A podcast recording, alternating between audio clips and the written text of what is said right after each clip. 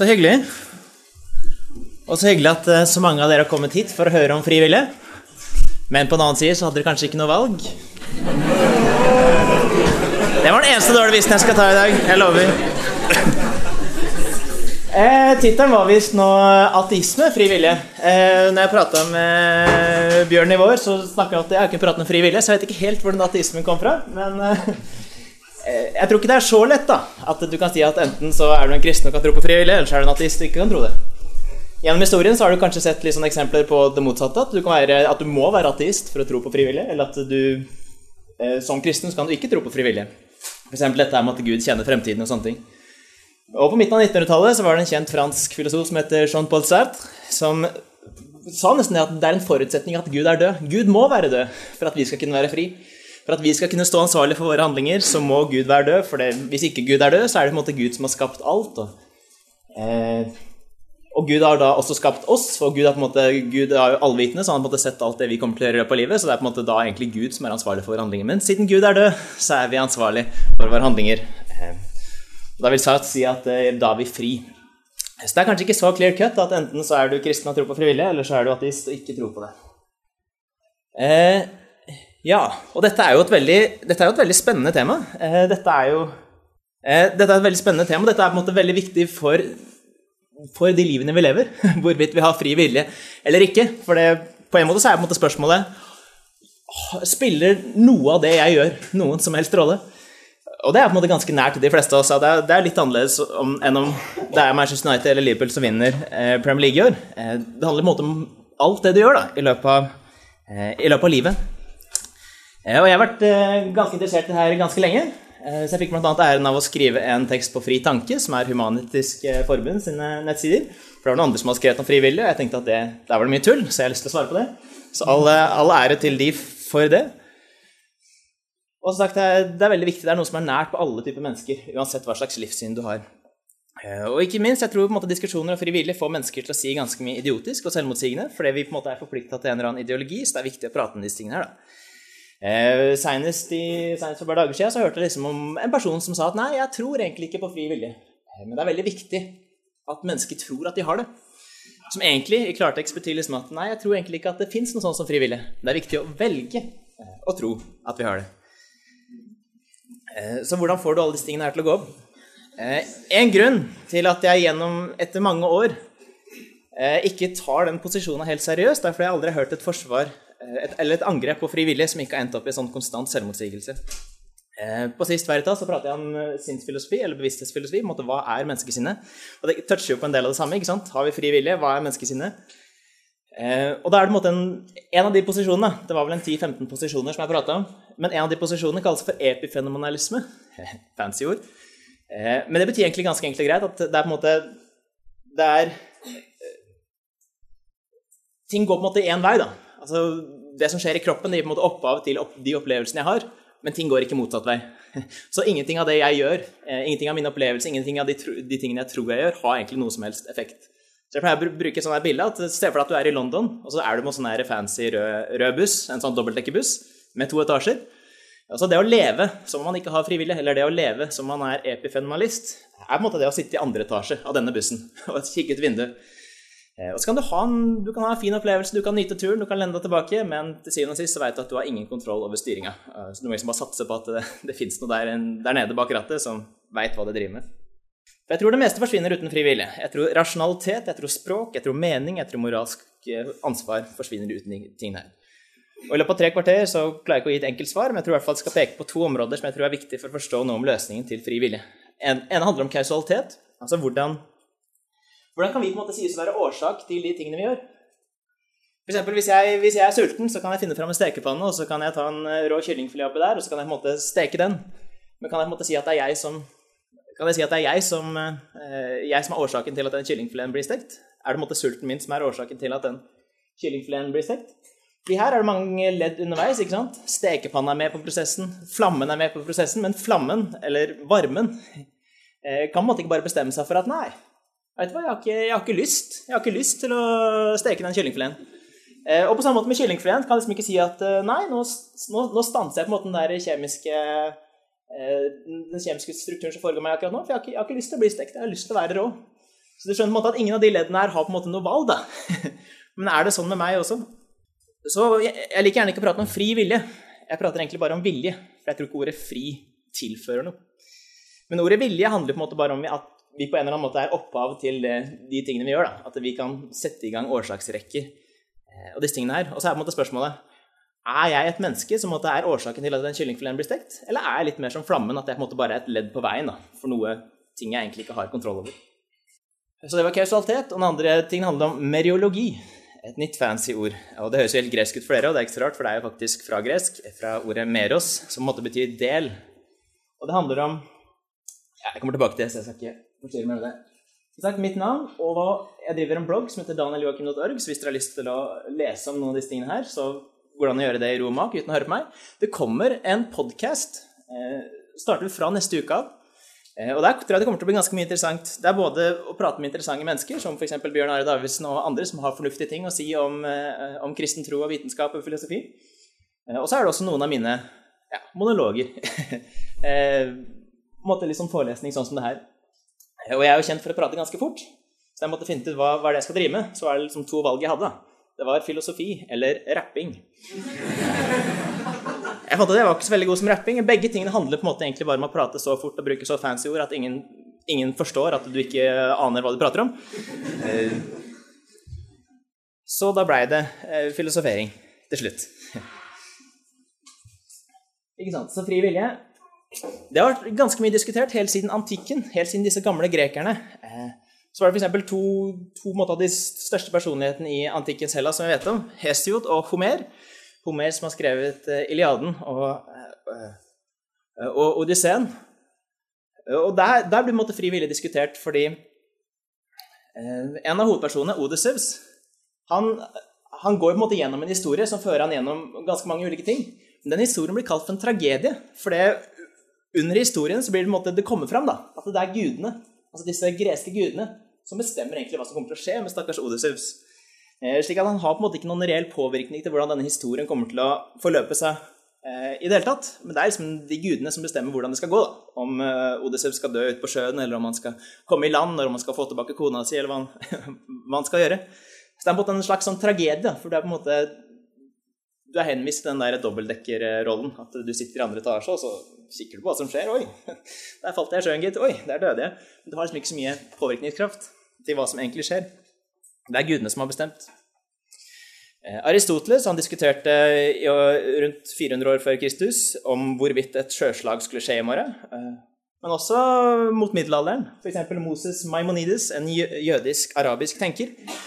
Han diskuterte mer da disse tingene her som handler om Gud og fri vilje. Altså fordi hvis Gud skapte oss, og hvis Gud vet alt, og hvis Gud vet alt som kommer til å skje i tida, så vet han jo også alle de valgene jeg kommer til å ta, og det visste han allerede før jeg var tiltenkt så kan, du, kan, jeg da på en måte si at uh, noen av de valgene jeg tar, egentlig er frie. Altså, Gud veit om jeg kommer til å stikke på kino neste uke eller ikke. Uh, er det egentlig da et fritt valg jeg tar? Så Maimonides han sa det at Does God know, or does he not know that a certain individual will be good or bad? If thou sayest he knows, then it necessarily follows that that man is compelled to act as God knew beforehand he would act. Otherwise, God's knowledge would be imperfect. Vi ser denne fri vilje-diskusjonen har på en måte vært med oss gjennom hele historien. Og snart så kommer Newton, Sir Isaac Newton, og så får vi en ny, sånn, får en litt ny virkelighetsforståelse, en ny måte å tenke, tenke om naturen på. Fra at det måte, er dette aristoteliske bildet som har regjert eh, vestlig sivilisasjon i 2000 år, så begynner man nå å tenke på virkeligheten på en litt sånn ny måte. Man tenker at virkeligheten består på en måte egentlig av masse sånne små klinkekuler, altså atomer, et eller annet som er nedenfra og opp. Og disse atomene de blir på en måte bare kasta rundt etter sånne fastbestemte naturlover, eh, som ikke vi har noe kontroll over egentlig. Eh, så det er, måte, det er det virkeligheten består av. Alle disse klinkekulene eh, som måtte bli kasta rundt. Eh, og en som tar det litt lenger, er en fransk matematiker som heter Pierre Simon Laplace. Og han sa det at han så for seg en sånn gedigent intellekt Vi kaller det ofte for Laplace in demon nå i ettertid. Han brukte ikke ordet demon, men han brukte i hvert fall på en måte et eller annet sånn enormt intelligent vesen og han så for seg at hvis det, hvis det intellektet visste plasseringen av alle atomer måte, I tillegg til alle kreftene, altså all gravitasjon, alle kreftene som måtte trakk de atomene i de ulike retningene, så kunne den demonen, eller det intellektet, eh, forutsagt hele universets forløp fra start til slutt. Han kunne sett tilbake hvordan ting har vært da, og han kunne sett fram og se hvordan ting kommer til å bli. For det, det er på en måte til syvende og sist alt som er. Det er atomer som måtte bli Eller partikler eller kvantefelt eller hva du vil kalle det, som måtte bli kasta rundt i henhold til naturlover som ikke vi har noen kontroll over. På samme måte som, en, som steiner faller på en måte ned et fjell. Steiner agerer på en måte bare i henhold til faste naturlover. Det er ikke en stein som kan si det er på en måte ikke en stein som kan si at nei, nå er jeg faktisk lei av å rulle, nå skal jeg bare stoppe opp. Eller hvis jeg står med en stein her, så slipper jeg den. Så kan ikke den steinen si at nei, jeg har ikke lyst til å falle ned i bakken. Jeg har lyst til å bli hengende her i løse lufta. Så man har på en måte ikke noe, man har ikke noe reell kontroll over hva som skal skje. Ofte så prater vi om fri vilje. Hvis du leser litt mer sånn akademisk eh, litteratur, så handler det ofte om det der dilemmaet der, da, mellom det vi kaller for determinisme og indeterminisme. Og det går Det er på en måte Det kommer ganske naturlig ut av det jeg allerede har sagt, disse klinkekulene. For med determinisme så har du måte hele universets forløp er på en måte bestemt fra universet starta. Slik at alt det jeg gjør, eller alt det jeg tror jeg gjør, er på en måte fast bestemt da, av ting som har skjedd tidligere. Jeg vil ikke Jeg ville ikke stått Jeg har på en måte ikke noen reell påvirkning på om jeg skal stå her og få foredrag for dere eller ikke, men det er på en måte de atomene som utgjør meg, som har fungert et visst naturlover, som bare har fått det hele til å skje. Og jeg kunne ikke gjort det annerledes, egentlig. Så det er bare det som å starte å velte første dominobrikke, og så skjer resten av dominobrikkene nødvendig. Og ingen av dominobrikkene kan bare bestemme seg for at nei, jeg har ikke lyst til å falle. Men så har du den andre, andre delen av dilemmaet. Det kalles for indeterminisme. Eh, for noen snakker liksom om at Vi vet at kvantemekanik kvantemekanikken er på en måte litt sånn probabilistisk, sånn sannsynlighetsbasert eh, i sitt vesen. Så vi, vi, kan ikke forutsi fremtiden eh, med sikkerhet pga. dette her. For det er liksom Det er 50 det er for kanskje 50% sjanse for at noe vil skje her, og så er det 50% sjanse for at noe vil skje her, og så er det 50% sjanse for at noe vil skje her. Men vi vet liksom, vet liksom ikke på forhånd eh, hva som kommer til å skje. Så det er liksom litt som å kaste terninger. at eh, Det er eh, 16,7 sjanse for at en terning kommer til å rulle en ener. Eh, men vi, vi vet på en måte ikke Vi kan ikke forutsi framtida. Vi veit ikke om det kommer til å rulle en ener før vi faktisk har kasta den, før vi på en måte er etter det har skjedd og kan se tilbake. Men problemet her er jo at uh, dette her er bare randomness. Dette er på en måte bare tilfeldig. Så hvis mennesket skal ha fri vilje, så virker det som at det der er en himla dårlig, det der er en himla dårlig løsning. Og det der er en himla dårlig løsning.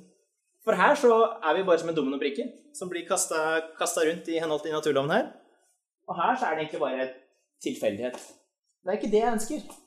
Jeg ønsker at jeg, jeg ønsker på en måte at valgene mine skal tilskrives til meg, ikke til tilfeldigheter. Jeg ønsker jo eh, når jeg, Hvis jeg f.eks. tar et moralsk valg, hvis jeg tenker at eh, der ser jeg en gammel dame, hun skal jeg hjelpe over gata istedenfor å kanskje spenne bein på henne og dytte henne foran bussen, så ønsker jeg på en måte at det er noe som kan tilskrives til meg. Det er min gode handling. Det er ikke bare sånn at eh, alt måtte bare skjer sånn helt spontant, på samme måte som en terning kaster én eller fem. Og det er heller ikke sånn som den der domino-greia. Så det virker til at vi er på en måte i et dilemma her, da. Mellom to ting som ikke gir oss noe svar som vi egentlig kan være fornøyd med. Og ja, I litteraturen så ender man da på ulike sånne posisjoner som man kaller for libertarianisme eller kompatibilisme. eller sånne ting. Jeg tror ikke det er så veldig hjelpsomt, egentlig, disse kategoriene her, så jeg skal prøve å gå litt utenom det her. Eh, den, det foredraget her kommer forresten til å dukke opp på et sted som heter Mench Mensch Magasin eh, i løpet av et par uker, på engelsk. Så ja, hvis dere sitter i etterkant og prøver, ønsker å prøve å huske der, så er det mulig å lese Mensch, som er et veldig kult nytt europeisk magasin som er stifta fra, fra, Norge, fra Tankesmien Skaperkraft. Så gjerne følg med der. Ja, for hvorvidt viljen vår kan sies å være fri, virker til å være et ganske sånn livsnært spørsmål for alle mennesker. For alle mennesker lever egentlig som om de var frie, hvor du, måtte, du tar egentlig bare for gitt at de tankene du har, de beslutningene du har, har en slags sånn påvirkning i den faktiske fysiske verden. På et eksistensielt nivå så ville det vært helt umulig å innrette seg at du ikke hadde fri vilje. Du kunne fortalt meg at Joakim, du har ikke fri vilje. Ok, hva skal jeg gjøre med det? Skal jeg bare legge meg ned og dø, liksom? Nei, jeg må jo fortsette å leve. Jeg må jo fortsette å i hvert fall late som at mine tanker og mine handlinger har en eller annen slags påvirkning. Eh, så det er, det er viktig for oss å tenke at vi har i hvert fall en mulighet til å kunne påvirke utfall. Altså, jeg har en mulighet til å bestemme om jeg hjelper bestemor over gata, eller om jeg dytter henne foran bussen. Eh, ellers så er det på en måte, ellers er det på en måte ikke så mye vits, rett og slett. Og når jeg har skrevet den her, så har jeg faktisk blitt kontakta et par ganger av personer som har opplevd en slags sånn eksistensiell krise. da, Fordi de driver og på en måte lurer at oi, har jeg ikke fri vilje? Liksom? Og så kjenner de på den der håpløsheten at er det ingenting av det jeg gjør som spiller noen som helst rolle? Så det har en slags sånn eksistensiell Det er viktig for oss mennesker. Og De fleste filosofer er dessuten enige om at en form for fri vilje eller vilje er viktig for at vi skal kunne tilskrive noe, en person et moralsk ansvar. Vi klandrer gjerne ikke personer for de handlingene som ikke de har noe kontroll over. Hvis en person A, Arne, dytter en person B som ikke følger med, Berit, på en person C, Klaus, eh, slik at Klaus faller utenfor på toglinja og tror jeg lukker dere. Slik at Klaus faller utafor på toglinja foran toget, så er det jo ikke Berit vi vil skylde på. Selv om det egentlig var Berit som måtte da falt på Klaus, slik at Klaus falt ut på toglinja. Vi vil jo skylde på Arne, for det var Arne sin feil. Det var Arne som satte det her i gang. Og Berit var på en måte egentlig bare det vi kaller for instrumentell. Hun var bare et slags nær mellomledd. Så det er Arne vi holder moralsk ansvarlig. Men problemet er jo da hvis vi, hvis vi alle bare er et slags instrumenter, hvis vi, er, hvis vi bare er sånne mellomledd for naturlovene, så virker det som at vi alle er i Berits posisjon, egentlig. At vi egentlig ikke Vi blir bare kasta rundt, vi blir bare dytta Arne, men ingen av oss har noen grunn til å si at ja, vi gjør gode eller dårlige ting. For det vi bare gjør. Vi blir bare dytta. Eh, og selv personer som skriver bøker om hvorvidt fri vilje er en illusjon, har på et eller annet tidspunkt måttet anta at deres beslutninger og det som foregår i deres tanker, i deres mentale liv, på en eller annen måte påvirker, har innflytelse på hvordan fingrene beveger seg over tastaturet i å utforme setninger som da blir til en bok. Eh, som f.eks. Sam Harris har jo skrevet en bok hvor, eh, hvor han konkluderer med at ikke vi har, ikke vi har fri vilje. Og for et år siden så måtte jeg lese den på nytt. Ikke fordi, ikke fordi, jeg har noen som helst respekt for Sam Harris som en filosof, men fordi det måtte være et veldig interessant studie i, i populærkultur. Men selvfølgelig, eh, du sitter jo der og banker i bordet annenhver, på annenhver side. For det er, måte, det er så fullt, hele boka er så full av, av antagelser, av, av, konklusjoner som ikke følger fra argumentet, av, av ting som man bare antar. At du blir ganske frustrert til slutt. Men selv Sam Harris, ikke sant Jeg tror ikke på fri vilje, sier han. Ja, men på en eller annen måte så har du trodd at de tingene du hadde i hodet, som du tenkte var innmari smarte, som du skulle formidle til mennesker, at de kunne påvirke det du sitter på tastaturet og skriver, i å utforme setninger og logisk strukturerte resonnementer. Eh, ikke så logisk strukturerte for Sam Harris, men kanskje for andre. Så spørsmålet om frivillig har dessuten relevans ikke bare på individnivå, men på samfunnsnivå. Det fins forskning på at lavere tillit til at vi faktisk har frivillige, resulterer i forverret atferd. En studie viste at personer som har lest avsnitt med vitenskapsmenn som sier at frivillig er en illusjon, mer sannsynlig vil jukse på en prøve. Og I et annet eksperiment så fikk det høyskolestudenter til å oppføre seg mer aggressiv enn en kontrollgruppe. Og Det er dessuten forskning som tyder på at er, troen på frivillig er korrelert med personlig velvære. Altså det føles bedre å ha fri vilje. Disse samfunnstingene har egentlig ikke så mye altså Det spiller jo egentlig ikke så mye, så mye rolle. Altså Enten så har vi frivillig, eller så har vi ikke frivillig. Uansett hvordan, hvordan, hvordan vi føler at vi skulle ønske at ting var, eller uansett om mennesker jukser på prøver eller ikke. Så det er i hvert fall viktig å finne en god tilnærming til hva vi mener med frivillig eller vilje, og vurdere om noe sånt eksisterer. Jeg tror en stor kilde til forvirring i dagens diskusjon om fri vilje er mangelen på klare definisjoner, og det sier de fleste, inkludert Sam Harris. Så når ulike personer bruker ulike definisjoner, så ender de gjerne opp med å diskutere forbi hverandre. I Sam Harris' sin korte bok på, på, på fri vilje, hvor han konkluderer allerede på side fem med at dette er en illusjon, så skriver han bl.a. følgende Consider what it would take to actually have free will. You would need to be aware of all the factors that determine your thoughts and actions, and you would need to have complete control over those factors. Og dette er et av de øyeblikkene hvor du bare har lyst til å velte hele skrivebordet og, og rope ut at nei. For det er Jeg har aldri hørt om noen som forsvarer måte, et eller annet konsept om fri vilje, som påstår at for å ha fri vilje så må du ha full kontroll over alle faktorer som bestemmer alle tanker og handlingene du har. Og det er også veldig tvilsomt om det er sant. For for folk flest så er det helt som forventet at vår opplevelse eller vår tanke f.eks. om at vi er sultne altså Den kommer ikke ut av ingenting. Det kommer ikke ut av ting som vi har fullstendig kontroll på, men den dukker gjerne opp på bakgrunn av nervesignaler som kommer fra våre grunnleggende biologiske behov. At vi, vi kjenner på sult, og så etter hvert så begynner vi å tenke på det. Du trenger ikke ha full kontroll over alt det. Eh, for å ha frivillige. Men det viktige, jo, det viktige diskusjonen her er jo hvorvidt du kan velge mellom hva du skal spise, å, eller hva du skal gjøre for å møte det behovet. Eh, om du spiser en vegetarsalat, eller om du spiser en biff, eller om du spiser en yoghurt, Eller om du velger å spise nå, eller om et par timer, for det, om et par timer så passer det bedre. Eller hvorvidt du ønsker egentlig bare å respondere på dette behovet med å ignorere den fordi eh, du har et ønske om å gå ned i vekt, eller å praktisere en eller annen religiøs fastetid. Det er det som kreves, ikke at du har full kontroll over alle faktorene som leder til sulten din. Eh, og sånne ting. Og det er sånn karikatur da, som mennesker som sier at fri vilje er åpenbart en illusjon. At det virker som de tror på det. Altså, du er fortsatt et menneske, ikke sant? Eh, du har fortsatt, du har fortsatt en natur. Eh, det å ha fri vilje det, det forutsetter på en måte ikke at du kan gjøre absolutt hva som helst. At du plutselig kan fly eller overskride alle dine fysiske begrensninger. At du, eh, at du kan løse fem matematiske regnestykker på likt eller måtte ting da, som overgår dine egentlige begrensninger. Men det å være et menneske, det å ha en natur som et menneske, det gir deg noen muligheter, og så gir det deg noen begrensninger. Og det er akkurat det vi vil forvente. Jeg skal gå inn med et par par sånne eksempler på hvordan mennesker ting, eh, På grunner til at mennesker sier at fri vilje er åpenbart en illusjon. Da er det én person som siteres mer enn andre, og det er nevrobiologen Benjamin Libet. Han brukte et eksperiment. Han utførte en rekke forsøk fra starten av 1980-tallet hvor han på en måte hadde en metode for å forsøke å tidsberegne bevisste opplevelser. For å holde dem opp mot korrelerte hjernetilstander. At han, han festet et apparat som målte hvordan hjernen din fungerte. Eh, og så utøvde han det her. Og i hans mest kjente eksperiment så ble deltakerne i en stol bedt om å bevege håndleddet på et eh, helt tilfeldig tidspunkt. Du ble, liksom, du ble plassert i en stol, og så ble du bedt om at eh, når du bare føler for det, så skal du bevege på det håndleddet. Eh, og mens du gjør det, så skal du se på en eller annen tavle med en klokke. Og, i mellomtida så er det måte målinger av hjernen som viser, viser hjerneaktiviteten, såkalt readiness potential. Og det de fant ut, er at fra, fra, det øyeblikket hvor jeg på en måte først kjenner den innskytelsen at nå skal jeg Helt tilfeldig. Nå skal jeg på en måte vende på håndleddet mitt. Til jeg faktisk gjør det, så går det ca. 200 millisekunder. Altså 0,2 sekunder. Men det hjerneskanningene viste, var at hjerneaktiviteten startet allerede 550 millisekunder før. Altså over et halvt sekund før. Så hva betyr det? Hvordan skal vi tolke det? En måte å tolke det på er jo at Men det gikk jo bare 200 millisekunder fra jeg bestemte meg, til til det skjedde. Så en måte å tolke det på er at det er 350 millisekunder til. Betyr det at måte, hjernen foretok valget for meg? Og så først 350 millisekunder seinere blir jeg bevisst på det ønsket, og så tror jeg at det er mitt eget. Jeg tror det er jeg som bestemmer for å gjøre det. Eh, men så er det åpenbart ikke det, fordi hjernen er allerede i gang.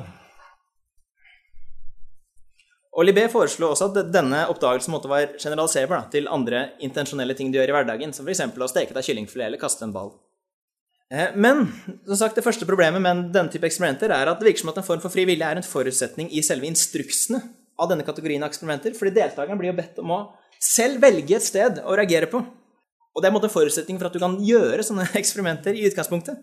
Men enda viktigere så er det at alt dette her forutsetter at en bestemt form for nerveaktivitet bare kan identifiseres med selve valget. Den forutsetter det den ønsker å bevise. Fordi det er jo to ulike ting. ikke sant? Det at jeg på en måte måler at noe skjer i hjernen, og min indre opplevelse av et valg. Eh, hvordan kan jeg vite at det ene er, eh, ene er det andre? Og Dessuten så virker det som at sånne eksperimenter forvirrer muligheten med å forutsi et valg, med den konklusjonen at det dermed ikke eksisterer et fritt valg. Eh, man har på en måte allerede man har allerede måte bakt inn i forsøket at ja, men ditt valg er bare hjerneaktiviteten. Du har, allerede sånn der, du har egentlig konklusjonen før du allerede har starta eksperimentet. Men det er ingenting ved konseptet om et valg som forutsetter at det må være totalt uforutsigbart.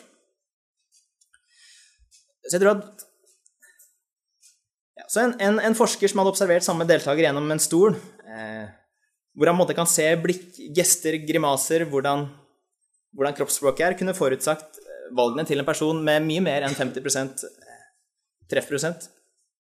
Jeg tror at hva som vises i begge disse eh, eksperimentene, når vi tenker over det, er egentlig ikke så mye mer sjokkerende enn som så.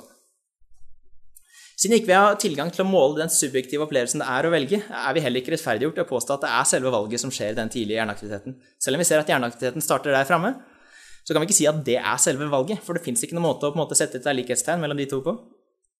Og Hvis et valg ikke simpelthen kan reduseres til å starte i en enkelt nervecelle, eh, eller til et bestemt mønster i, i, i hjernen, så føler det også at den registreringen av ubevisst hjerneaktivitet før et bevisst valg eh, heller ikke viser at valget derfor er ubevisst. Det viser bare at det foregår hjerneaktivitet før et valg. Og det vil jo på en måte, det vil ikke sjokkere noen som har litt livserfaring. Vi trenger ikke noen elektroder festa på oss, eh, men vi trenger bare å se tilbake på vårt eget liv. En annen filosof som heter Alfred Mæland, sier at i B's undersøkelse er liten grunn til å tro at det er selve valget som skjer 550 millisekunder før. Eh, men i et eksperiment hvor deltakeren blir eksplisitt sagt at dette her må skje spontant, så er det mer, mer naturlig å tenke at det er høyst sannsynlig at det, vil foregå et visst nivå av hjerneaktivitet før jeg skal til å ta det valget, fordi jeg prøver på en måte å undertrykke. da. Jeg prøver liksom å tenke at Joakim ikke tenk, Joakim ikke tenk, Joakim ikke tenk. Når Joakim tenker, så gjør det sånn. At det foregår hjerneaktivitet før. For det skal jo på en måte reagere spontant. Eller at den hjerneaktiviteten måten, er en slags sånn oppladning da, til at uh, jeg, jeg, jeg, måtte mobilisere kroppen min til å ta det valget. Fordi det kommer snart. Så alle disse forsøkene, de, de, de måtte forutsette allerede at uh, at måte, de prosessene du har i sinnet ditt, de opplevelsene du har, kan en, på en eller annen måte reduseres til hva som skjer i hjernen, og som du kan måte, spore ned til et eller annet mønster eller til en eller annen enkelt nervecelle. Eh, men det er jo ikke det vi tror. Vi tror at hvis vi har frivillige, så er jo jeg et, jeg er jo et menneske, ikke sant? og jeg kan mobilisere. Det er på en måte jeg som setter i gang eh, hjerneaktiviteten. Det er ikke noe som skjer helt uavhengig av meg. Det er liksom når jeg bestemmer meg for at nå skal jeg ut og steke en kjellingfilet, det er, måte, det er jeg som setter i gang hjerneaktiviteten, det er jeg som setter i gang muskelcellene mine. Det er på en måte jeg drar på en måte alle partiklene i kroppen etter meg, da. Det er ikke to forskjellige ting. Vi, vi jobber sammen. Det er ikke natur på den ene sida og meg på den andre sida, men det er jeg som er natur. Og ikke minst er det jo en grunn til å tro at det er fundamental forskjell på valg. Fra helt enkle valg hvor du bare skal bevege håndleddet, eller velge om du skal trykke på to knapper, til mer komplekse valg, som å bytte jobb, inngå ekteskap eller konvertere til hinduisme. Så selv om det eksperimentet her skulle stemme, så er det ikke noen grunn til å tro at det kan generaliseres. De der de mer innviklede valgene som vi har til daglig. Er det en annen som jeg bare skal gå kjapt over. Han heter Daniel Wegner. Han er den andre måte, store eksempelet som gjerne blir brukt. Han, han, gjør noen forsøk hvor han måte, finner ut at det er mulig å manipulere mennesker til å tro at du er årsaken til ting du egentlig ikke har noe med å gjøre. Eksempel hvis du går i en butikk, og så går du forbi en eller annen sånn stor disk, eh, og så velter den. Så skal du se, se tilbake og tenke Oi, det var sikkert jeg som var årsaken til at den, den disken velta. Men kanskje det egentlig bare et vindkast som skjedde akkurat naturlig. Så jeg, jeg trodde at jeg var årsaken, men det stemte jo egentlig ikke. Og På samme måte så fant Wegner ut at du kan manipulere et menneske til å tro at det er årsak til ting. Eh, og hans konklusjon var da liksom at eh, din bevisste intensjon egentlig ikke har noe med saken å gjøre. Men det er veldig rart, for det, det er antakeligvis også mulighet til, måte, til, å stimulere hjernen til å tro at du, du ser ting du ikke ser. Som kanskje skjer i drømmer, eller som skjer hvis du greier å koble deg på akkurat riktig felt, slik at du kan fremkalle en farge eller et mønster eller noe sånt. Men bare fordi det er mulig i et laboratorierom, eh, betyr jo ikke det at ingenting av det jeg ser til vanlig, er ekte. Altså Selv om det er mulig på en måte under veldig kunstige omstendigheter å, lure meg til å tro at jeg ser ting jeg ikke ser, så betyr jo ikke det at ingenting av de tingene jeg ser, eh, ikke på en måte virkelig er der. Det betyr jo ikke at eh, bare fordi i, en drøm en gang så har jeg sett ting som ikke egentlig var der, så er egentlig ingen av dere her nå. Eh, dere ville sikkert blitt ganske fornærma over å høre det. Så selv om måte, ja, Selv om ikke alle svaner er hvite, så føler det ikke logisk at ingen svaner er hvite. Selv om ikke alle valg selv om ikke vi er årsaken til alle ting, så betyr ikke det at ikke vi er årsaken til noen ting. En mer klartenkt tolkning av det her eh, av filosofen AJ Lowe er bare at én bevisste intensjoner og to påfølgende handlinger er to separate ting. Det er alt det betyr. Og det er lite overraskende, for det er jo på en måte det, derfor vi påstår at bevisste intensjoner kan forårsake handlinger. Jeg kan ha en intensjon om at jeg, ønsker å spise mat, og så kan jeg sette i gang en handling hvor jeg finner fram stekepanna og setter kyllingfileten oppi. Så alle disse naturvitenskapelige forsøkene på å prøve å motbevise eksistensen av frivillige, de, de kommer gjerne med en sånn innbakt eh, konklusjon allerede i det eksperimentet starter. Så jeg tror egentlig ikke dette er et naturvitenskapelig spørsmål i det hele tatt. Men at det er overlatt til filosofien. For det, det tvinger oss til å tenke mer grunnleggende om hva er virkelig, hva er natur, hva er et menneske? Hva vil det si at vi er årsaken til ting? Så det prata vi om i fjor, men hva er egentlig menneskesinnet, da? Er det, ikke, er det ikke innmari rart at det kan eksistere mennesker sånn som oss, som måtte er bevisste, som kan kjenne på kjærlighet, som kan nyte, nyte et musikkstykke, enten om du liker Bieber eller Bach, Eh, så måtte kan ha alle disse opplevelsene her. Fordi vi mennesker er på en måte, vi er helt radikalt ulik noe annet vi kjenner til i universet. Alle andre ting i universet kan vi på en måte studere utenfra, nei, ja, utenfra og inn. Vi kan på en måte se det utenfra. men når du er et menneske, så gjør du noe helt annet. Du er på en måte akkurat som jeg er inni denne kroppen og på en måte ser ut. At de tingene som skjer med kroppen, de, de, de skjer med meg. Det er noe helt unikt, det er noe helt radikalt annerledes fra alt annet jeg kjenner til. Eh, og hvordan kan det ha seg? Hvordan kan det eksistere et menneskesinn? da? Noen som opplever universet hadde vært innmari kjipt hvis, det, hvis det hadde vært svære planeter og svære solsystem og alle disse tingene her, men det hadde måtte ikke vært noen, vært noen sånne som oss, som kunne sittet her og filosofert eller arrangert en trosforsvarskonferanse eller eh, gitt kjærlighet til hverandre eller på en måte vært, vært, bevisste, vært tenkt over det hele. Universet hadde vært Mennesket er veldig lite i universets perspektiv, men du verden, universet blir så ufattelig mye rikere ved at, ved at det er sånne som oss, da. Eh, som måtte i det hele tatt kan stille spørsmål om hvor det hele kommer fra.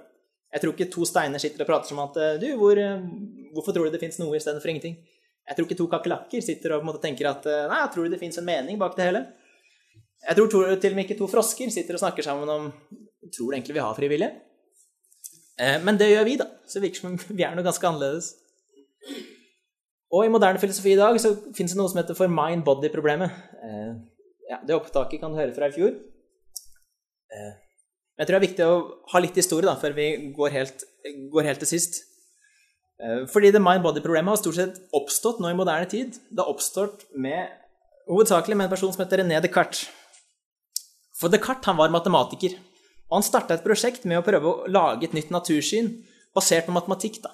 Og Hva er det du kan behandle med matematikk? Jo, du kan behandle kvantitet, ting som lar seg strekke ut. Så Han, måtte, han forkasta Aristoteles og sier nei, nå starter jeg på nytt. Og alt det jeg på en måte tar med i mitt natursyn, er på en måte de tingene som lar seg strekke ut. da. Dette er et såkalt kartesisk koordinatsystem. Så istedenfor å si at ja, virkeligheten den består, av, den består av trær, den består av mennesker, den består av steiner, den på en måte består av kvaliteter som vi har rett framfor oss, så sier at nei, det som egentlig er mest viktig, er på en måte det som, det som er aller minst. Eh, og det er gjerne noen ting som atomer eller fundamentalpartikler. Noen ting som måtte lar seg plassere inn i, inn i, inn i dette koordinatsystemet. Noe som lar seg beskrive ved hjelp av matematikk. Men selvfølgelig, når når Descartes hadde omformulert naturen til å være dette her, så får han et problem, og det er jo menneskesinnet selv. For det, det er jo himla merkelig at det, det, virker at vår opplevelse lar seg liksom ikke dele opp i små deler. Altså jeg kan, jeg kan sitte og se på en fotballkamp samtidig som jeg, eh, samtidig som jeg hører på nye, hører på nye plata til Marianne Engebrigtsen, eh, samtidig som jeg smaker eh, potetgull. Og alle disse opplevelsene blir på en måte til ett i min opplevelse. Det er på en måte noe kvalitativt. da. Så Descartes sa liksom at nei, er, vi passer ikke inn i naturen lenger. Fordi naturen er på en måte bare utstrekning. Den er bare fundamentalpartikler. Så Descartes måtte liksom sette deg da, utenfor naturen. Og her kommer denne sjelen inn. Altså denne sjelen som er noe annet enn natur. Noe som på en måte er ikke-fysisk, og på en eller annen måte allikevel greier å samarbeide med det fysiske. Og intuitivt så vil jo en sånn kartesisk tanke ha en ganske stor appell for oss. Fordi de fleste av oss, I dagliglivet så prater vi på en måte om at det mentale er noe annet enn det rent materielle. Og, og at det måtte eksistere et eller annet vedvarende med mennesket. For er det ikke rart? Fra du på en måte ble unnfanget, fra du ble født, fra du var barn, til du ble voksen, til du blir gammel, så er du på en måte én ting. Men det som er veldig rart, er at alle tingene kroppen din består av, den byttes ut med jevne mellomrom. Alle, alle, cellene i kroppen din er byttet ut i løpet av en, en niårsperiode. Men allikevel så er det på en måte deg, da. Og du sitter og husker tilbake til du var eh, seks år og hadde den opplevelsen. Eller til du var 13 år og hadde den opplevelsen. Og så er det er på en måte deg inni der hele veien. Eh, og det kommer det også til å være i gammel alder. Til og med når du begynner å glemme ting. At ikke du husker fra du var seks år eller fra du var 13 år lenger. Så er det på en måte det er en deg over det, det er en deg over det materielle eh, hele veien. Og vi forstår på en måte hva det vil si at eh, ja, men Joakim han syns filosofi er gøy. Eller at Joakim han føler smerte akkurat nå. Det er litt vanskelig å forstå hva, hva er det som egentlig menes med at hjernen til Joakim syns at filosofi er gøy, eller at kroppen til Joakim føler smerte. Men hvis, eh, hvis hjernen, hjernen, og kroppen og sinnet, mine opplevelser, var identiske, så den tingen vi kunne sagt om det ene, måtte vi kunne sagt om det andre. Da måtte den Hvis måtte hjernen var opphavet til alle mine opplevelser, til sinnet mitt, så måtte jeg kunne sagt at hjernen til Joakim syns at filosofi er gøy, og det måtte på en måte vært meningsfullt. Og ikke minst så trenger vi, vi trenger en eller annen slags mental, mental kausalitet, som vi har vært tilbake på, eh, for at det, det, her skal gi noe mening. Ting vi tenker, ting vi bestemmer oss for her oppe, og ting vi på en måte setter i gang kroppen med, det må, en, det må være en sammenheng på en eller annen måte. Ellers er, ellers er det ikke noe vits. Så vi må på en måte kunne si at det mentale er årsaken til andre mentale og fysiske årsaksrekker. Når vi snakker om oss selv som aktører, som mennesker som er, som personer som er i verden, så tenker vi at dette, sammen, dette henger sammen med vår evne til å utføre til å utføre intensjoner, til å ha intensjoner til å utføre aktiviteter i henhold til det som vi kaller for visse teleologiske grunner. Eh, teleologisk kommer fra ordet telo, som betyr mål. Det vil si måte alle ting jeg gjør, alle ting jeg gjør bevisst, det gjør jeg på en måte mot et mål. Jeg kan alltid sette 'for å' inn i den setningen. Eh, for det handler alltid om mål som mennesker prøver å oppnå. Eksempel, jeg smurte meg en brødskive. Hvorfor gjør jeg det? Jo, jeg, jeg gjorde det for å stilne sulten. Jeg satte på vannkokeren. Men jeg satte ikke bare på vannkokeren, jeg satte på vannkokeren for å lage meg en kopp te. Det er alltid en, måte, en sånn der for å, en sånn mål, målrettethet i mennesket. Jeg satte meg i bilen for å dra på treningssenteret. Og det samme gjorde sikkert du til morgenen i dag. Du, du satte deg i bilen for å komme deg til Grimstad. Du, kom, du, ønsket å komme deg til Grimstad for å lære mer. Du ønsket å lære mer for å prate med vennene dine på skolen, eller for å forstå mer selv. Alle på en måte grunnene vi har til hvordan, hvordan viljen vår fungerer, er på en måte teleologiske, de er målretta. Eller at du, du skifta jobb for å oppleve en mer meningsfylt hverdag. Den, måte, den er linka sammen. da. Det er et eller annet om hva vi tenker er godt til syvende og sist. Hvis jeg ikke tror at noe er godt, så kommer jeg heller ikke til å gjøre det. Eh, men jeg, jeg handler på en måte alltid i henhold til et eller annet jeg tenker er godt, og så gjør jeg ting for å komme dit. Jeg tenker f.eks. at sannhet er godt, og derfor så hører jeg på podkast eller reiser på Veritas for å lære mer. Jeg tenker det er godt at vennene mine får høre om Jesus, så derfor reiser jeg på Veritas-konferansen for å bedre kunne gjøre det. Ellers tenker jeg at det er godt å stilne sulten, så derfor så lager jeg meg en brødskive for å gjøre det. Og du trenger på en måte ikke være den totale utfyllende årsaken til hele handlingsforløpet. Når jeg setter på vannet for å lage meg en kopp te, så er jo en fullstendig forklaring vil en måte inkludere alt sammen. Eh, det vil inkludere beskrivelse av mine trospåstander om at det å trykke på den knappen kommer faktisk til å starte vannkokeren og at det å starte vannkokeren faktisk vil føre til at vannet blei kokt. Eh, og det inkluderer måte, kontraksjon av muskelcellene mine, som setter alt der i gang. Ingeniørkunsten av vannkokeren, noen som har utforma den til å gjøre den oppgaven her. Hastigheten på bevegelsen av vannmolekylene i vannet. At, de, eh, at vannmolekylene vibrerer raskere og raskere, slik at det her faktisk varmes opp. Men i hvert fall, mitt mål om å lage meg en kopp te var liksom grunnen til at alt her starta i utgangspunktet. På samme måte som mitt mål om å stille ned sulten var grunnen til at jeg satte denne kyllingfileten oppi stekepanna i utgangspunktet. Og til og med sansinga, den kunnskapen vi får gjennom sansing, virker til å ha en sånn kausalitet Forutsette en kausalitet i mentale hendelser. Det å se et tre, det forutsetter en måte at tre på en eller annen måte er årsaken til vår visuelle opplevelse av C3. Det å sette opp et vitenskapelig eksperiment krever at vi har evne til å tenke gjennom, overveie, designe, gripe inn eh, og observere utfallet. Det forutsetter en måte at det som skjer her, har en slags effekt der ute. Kunnskap krever mental til mental kausalitet. Den krever på en måte at jeg kan utføre logiske resonnementer. Den krever at når du går ut herfra i dag, så tenker du på en måte at ja, men hvordan henger dette sammen med resten av det jeg tror på? Hvordan kan jeg på en måte sette det inn i hva jeg allerede tror på? Hvordan henger disse tingene her sammen? Kommunikasjon krever en slags sånn mental til fysisk til mental. Altså, jeg tenker på noen ting, og så fysisk uttrykker jeg det, enten på, ved å skrive et eller annet på en blogg eller på, i en bok, eller ved å snakke til dere fysisk. Og så tar dere det opp da, og, og, gjør det til en del av deres mentale liv. Så alle de tingene som er viktige for oss, det virker som måte til å forutsette en eller annen slags mental kausalitet. Så dersom ikke vi har noen form for mental kausalitet, altså dersom ikke vi har noen fri vilje, eller vilje, så virker følgene til å være langt mer drastiske enn det de fleste klarer å ta inn over seg. Da kan man vinke farvel til all rasjonalitet, kunnskap, vitenskap og mellommenneskelig kommunikasjon. Og så kommer jeg tilbake til disse veldig kjapt på slutten, for jeg har ikke så mye tid. Jeg tror ved å tenke gjennom hvordan vi tenker om Kanskje starte her. Eh, kausalitet. For det grunnen, grunnen til at dette er blitt et problem, er på en måte på grunn av dette, i stor grad pga. dette newtonske virkelighetsbildet i utgangspunktet.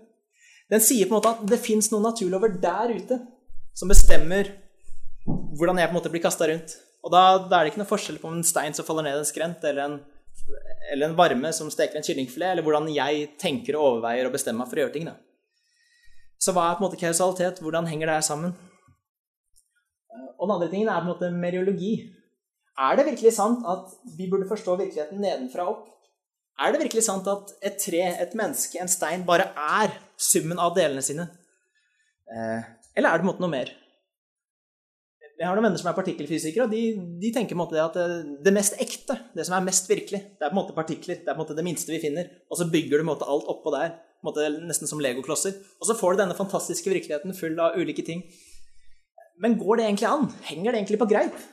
At ja, bygger noen legoklosser der, wow, det ble et tre. Bygger noen legoklosser der, wow, det ble en stein. Eller kan det hende at vi ikke bare kan bygge nedenfra og opp, men at vi også må ha noe som går oppenfra og ned, en slags informasjon, da som gjør at når x antall partikler, eller x antall atomer, plutselig bestemmer seg for å danne et tre, så er faktisk det treet mer enn summen av disse atomene.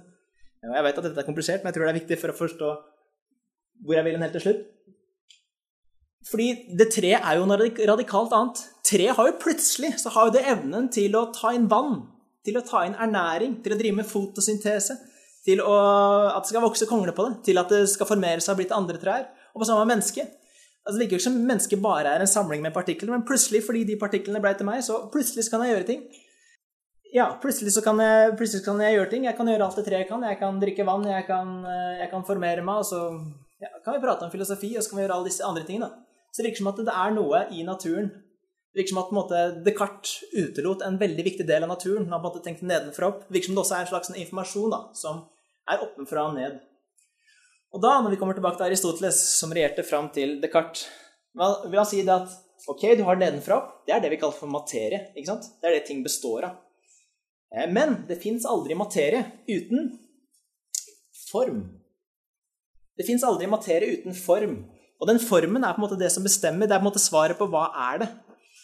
Så det vil si at materie holder ikke som forklaring. Du trenger også form. Du, også for, du, holder ikke med den materien som går inn i et tre eller et menneske. Du trenger også formen av et tre eller et menneske. For å måtte gi en fullverdig forklaring. Da. Hva, hva vil det si å være et tre, eller hva vil det si å være et menneske? Og kanskje det viktigste, når vi går tilbake til kausalitet, så forstår vi det at måten vi snakker om naturlover på, er veldig, veldig problematisk. Ludvig Wittgenstein, en av de største filosofene på 1900-tallet han sa at at the basis of the whole modern view of the world lies the illusion that the so-called laws of nature are the explanations of natural phenomena. Og Den enkle grunnen er det her. Vi aner ikke hva naturlov er. Hvis jeg står her, og så slipper jeg den, og så faller den ned i bakken, så vil du si at ja, det var gravitasjonskraften. Ja, men hva er en gravitasjonskraft, da? Ingen mennesker vet hva en gravitasjonskraft er. Det er mot alle disse mystiske kreftene som er i naturen vår. Og så har vi klart Det var det Newton gjorde. Vi har klart å finne noen matematiske ligninger til hvordan vi kan regne på dette her, hvor kjapt den vil falle. Jeg har fortsatt ikke forklart hva disse mystiske kreftene er. Hvis jeg Jeg har det ikke så farlig med. Når jeg på en måte slipper Jo, det er det kanskje. Noen som blir lei seg for at de Hvis jeg slipper den her, så faller den ned i bakken. Da spør jeg hva er årsaken til at den falt ned i bakken, sånn bortsett fra at jeg slapp den. Så vil du kanskje si at jo, det var gravitasjon. Så jeg sier at ja, men hva i alle dager betyr det? Jo, gravitasjon er en eller annen slags kraft. Men problemet er at vi aner ikke hva gravitasjon er. Det, det vi egentlig sier, er at det fins noen sånne mystiske lover der ute et sted som måtte forårsaker ting. Men en naturlov har aldri forårsaket noe som helst. Eh. Så når du sier at det er gravitasjon som måtte få den tingen til å falle, så sier du egentlig bare at eh, denne tingen som ikke jeg vet, fikk det, fikk det der til å skje. Men du vet jo ikke hva det er. Det er jo ikke en, er ikke en forklaring. Det er bare å gi et navn på det. Du har sagt at det kalles gravitasjon, men du aner jo fortsatt ikke hva det er. Så jeg vil i hvert fall omformulere det her til å si at naturlover er ikke noe som eksisterer der ute, som på en eller annen måte, måte bare kaster ting rundt, her, rundt om her i naturen. Naturlover er på en måte noe som eksisterer i ting selv. Da. Du kan spørre ja, men hva skjer hvis jeg tar to hydrogenatomer og et ja, siste minutt. to hydrogenatomer, ett oksygenatom. Og så blir det til et vann. ikke sant? Så blir det til et vannmolekyl. Og så spør jeg deg ja, men hva skjedde her. Jo, det var kjemi. Det er jo sånn kjemien er, sier du. Ja, men det er jo ikke noe, det er ikke noe løsning. Du bare beskriver hvordan det er. Du gjorde akkurat det samme som meg. Så vil jeg heller si at jo, det lå i potensialet til hydrogenatomet at dersom det på en måte blei Dersom det kom sammen med et annet hydrogenatom og et annet oksygenatom, så vil det bli til vann. Så naturlover er på en måte ikke noe som er der ute utenfor oss selv, som kaster oss rundt. Naturlover er på en måte heller uttrykk for hvordan ting eh, opererer i naturen. Og det som nå blir interessant, er at når du har form, når du har menneske Når du har menneske som er en egen form, som ikke bare er partikler, Og når du har lover, lover som ikke er der ute, men lover som måte er uttrykk for hvordan et menneske er, så kan du også si det at menneske, en ting av det å være menneske, en ting som følger med det å være menneske På samme måte som at et hydrogenatom kan bli til vann. En ting som måtte følge med det å være menneske, er at vi kan ha vilje, og at vi kan ha intellekt. På samme måte som at jeg kan oppdage noen ting som er godt, og så kan jeg bruke viljen min til å handle, til å mobilisere alle hjernecellene mine til å måtte trekkes etter det. Og det, i korte trekk, er løsningen min på et veldig stort spørsmål, som er kan vi ha frivillige? Ja, så klart vi kan ha det. For det, det å ha vilje er bare en ting som kommer naturlig med hva mennesket er. Naturlover er ikke der ute, de er her inne, så det er ikke noe mystisk med det. Da tror jeg jeg sier tusen takk for meg.